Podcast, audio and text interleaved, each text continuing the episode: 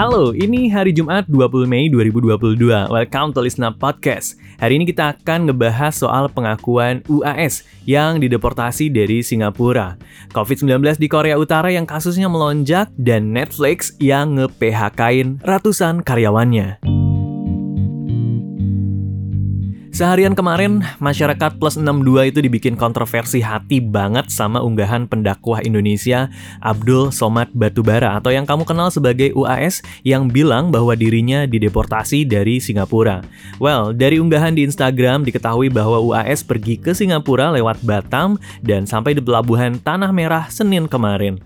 Bareng beberapa keluarga dan teman-temannya. Katanya sih niatnya emang liburan doang. Nah, di bagian imigrasi, keluarga dan temannya itu bisa masuk masuk, tapi kemudian UAS-nya ditolak. UAS kemudian langsung dipisahin dari rombongan dan dibawa ke ruang interogasi. In his words, UAS bilangnya, Setelah saya disuruh menunggu lebih kurang satu jam di ruang kecil, satu meter kali dua meter, ditutup. Setelah itu barulah semua rombongan ditarik lagi. Maka tadi ketika saya baca di salah satu portal Duta Besar Indonesia untuk Singapura mengatakan itu tidak benar deportasi karena tidak dapat izin masuk. Saya kasih tahu sudah masuk Terus-terus di ruang interogasi, UAS kemudian ditanya-tanya kayak tujuannya datang ke Singapura apa, sama siapa aja, berapa lama, dan lain-lain. Gak lama kemudian, keluarganya dan teman-temannya UAS yang awalnya udah dibolehin lewat, dijemput lagi sama petugas di sana, dan dibawa juga ke ruang interogasi yang berbeda. Sejam lah kira-kira di ruangan itu, sampai akhirnya UAS boleh gabung lagi sama rombongannya, tapi nggak ada kejelasan nasib mereka kayak gimana, boleh masuk apa enggak. Akhirnya ya nunggu lagi sampai jam setengah lima sore waktu setempat mereka diberangkatkan lagi ke kapal dan balik lagi ke Indonesia. Untuk ngejawab pertanyaan UAS beneran dideportasi apa enggak, let's take a look to pertanyaan KBRI Singapura. Dari keterangan Duta Besar Republik Indonesia untuk Singapura, Suryo Pratomo, yang udah koordinasi sama otoritas imigrasi di sana, UAS itu dikenakan kebijakan not to land, alias nggak boleh masuk gitu aja ke wilayah Singapura. Beda sama di deportasi, di mana udah masuk duluan terus dipulangkan ke negara asal. Nah, di case-nya UAS itu nggak kayak gitu kan, which means belum masuk ke wilayah Singapura dan udah disuruh pulang duluan. Nah, otoritas imigrasi di sana menyebut kedatangan UAS itu nggak memenuhi kriteria warga asing yang boleh berkunjung ke Singapura, guys. Tapi Pak Suryo juga nggak menjelaskan secara detail kriterianya itu kayak gimana yang boleh masuk. Karena itu emang wewenangnya pemerintah Singapura. Rupanya Singapura punya alasan sendiri kenapa mereka menerapkan kebijakan not land ke UAS. Dari keterangan yang dikeluarkan pemerintah Singapura kemarin, Singapura menyebut bahwa mereka nggak bisa izinkan UAS masuk karena sebagai negara yang multiras dan berkebudayaan, UAS ini terkenal dengan reputasinya sebagai penceramah yang ekstremis dan pemecah belah. Makanya hal ini nggak bisa diterima. Jadi di keterangan itu dijelaskan beberapa contoh preach-nya UAS yang ekstrim. Kayak misalnya beliau pernah khotbah soal bom bunuh diri yang dalam konteksnya itu konflik Israel-Palestina Katanya sah-sah aja dan dianggap sebagai syahid. Terus beliau juga diketahui punya track record yang suka merendahkan agama lain, sehingga secara terang-terangan menyebut non-muslim sebagai kafir dan menggambarkan salib Kristen itu sebagai tempat tinggal jin kafir. Ya makanya kata Singapura masuk ke negaranya itu nggak otomatis dan bukan merupakan hak, terus mereka benar-benar nge-access semua pihak yang mau masuk ke Singapura. Terus, pemerintah Singapura juga bilang bahwa mereka menanggapi sangat serius pandangan tiap orang yang mendorong terjadinya kekerasan maupun ekstremis dan pemecah belah. With all that being said, Somad and his travel companions were denied entry into Singapore. UAS bete ya, Padahal dia pengen ke Singapura mau liburan, mau belanja, mau bantu pertumbuhan perekonomian Singapura, tapi kok malah gini gitu. Selain itu, UAS langsung ngajak followersnya di Instagram itu untuk nggak usah belanja lagi di Singapura.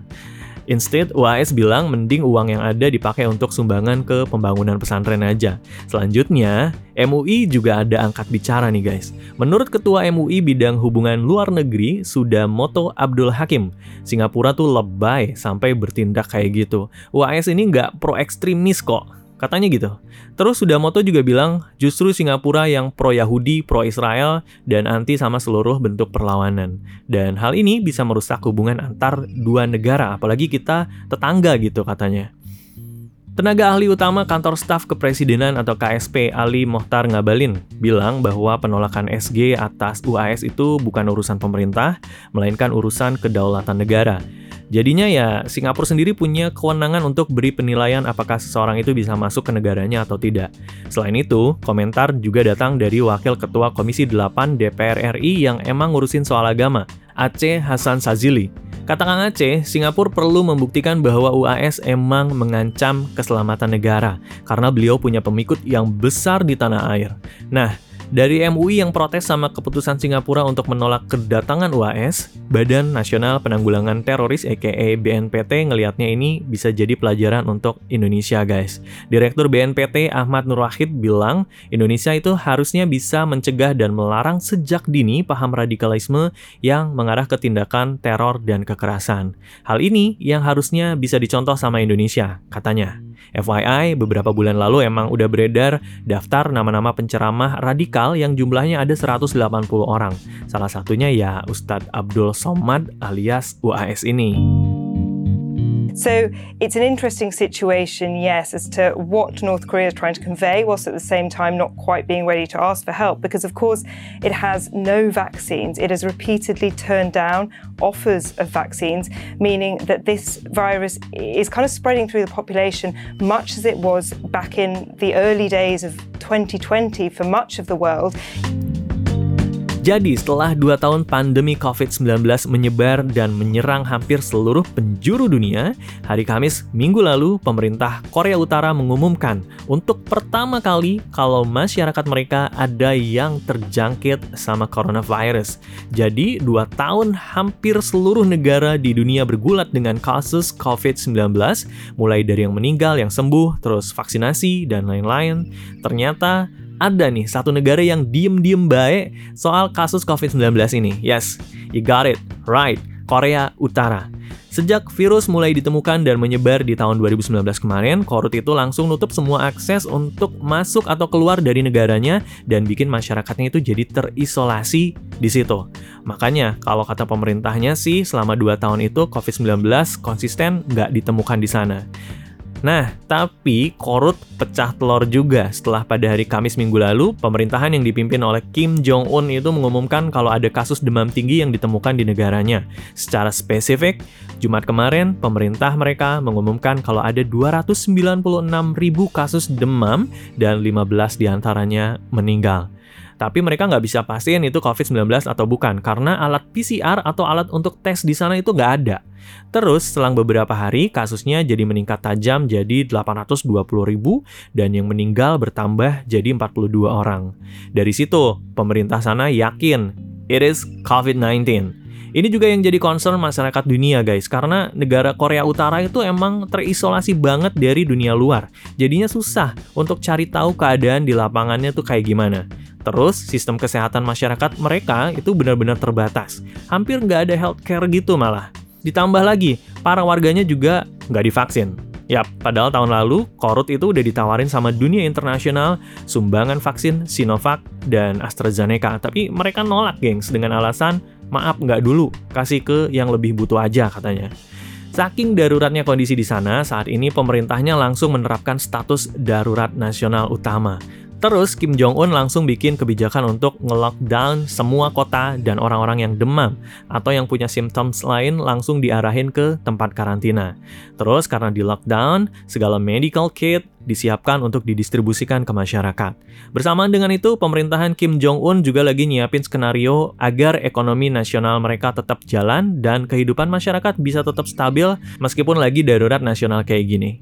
FYI, sampai sekarang penyebab virus corona bisa nyampe ke Korea Utara itu masih jadi misteri guys. Secara mereka kan terisolasi banget ya. Ikutan olimpiade, either itu yang di summer Tokyo atau yang di winter di Beijing itu mereka nolak karena takut COVID-19. Ditambah lagi mereka udah ngekat segala hubungan perdagangan dengan China. Padahal China tuh partner dagang terbesarnya Korut gitu ya. Jadi ya tinggal nunggu penjelasan dari pemerintah aja dari mana COVID-19 itu bisa nembus ke Korea Utara guys. Oke, okay, Now let's talk about Netflix employees. Why? Karena imbas pelanggan Netflix yang terus merosot, baru aja perusahaan streaming yang biasa nemenin weekendnya kamu itu nge-PHK 150 orang karyawannya. Adapun penyebabnya nggak lain nggak bukan adalah karena income perusahaan mereka yang makin berkurang dan growth-nya itu yang makin lambat. Karenanya Netflix akhirnya mengambil kebijakan untuk memangkas biaya yang ada biar nggak besar pasak daripada tiang. Dan salah satu yang dikorbankan adalah 150 orang karyawannya. Adapun Karyawan-karyawan ini adalah 2% dari total 11.000 karyawan Netflix. Dan ditegaskan lagi sama manajemen Netflix, mereka yang kena PHK ini bukan karena kinerjanya yang gak bagus, tapi karena emang they have to do it aja in order to survive. Terus 150 orang karyawan ini adalah mereka yang kerjanya based on the US. FYI guys, di kuartal pertama tahun ini aja, Netflix ini udah kehilangan 200 ribu pelanggannya. Dan hal ini bisa terjadi karena banyak hal. Yap, karena persaingan yang makin ketat, fitur sharing password yang bikin orang bisa nonton gretongan, dan banyak lagi. Karenanya, Netflix masih terus berusaha cari jalan keluar. Gimana caranya mereka bisa bring back the glory. Salah satunya, rencana kasih tarif yang lebih murah, updating regulation untuk sharing account, dan terus meningkatkan servisnya. Thank you for listening, listen up. Happy weekend!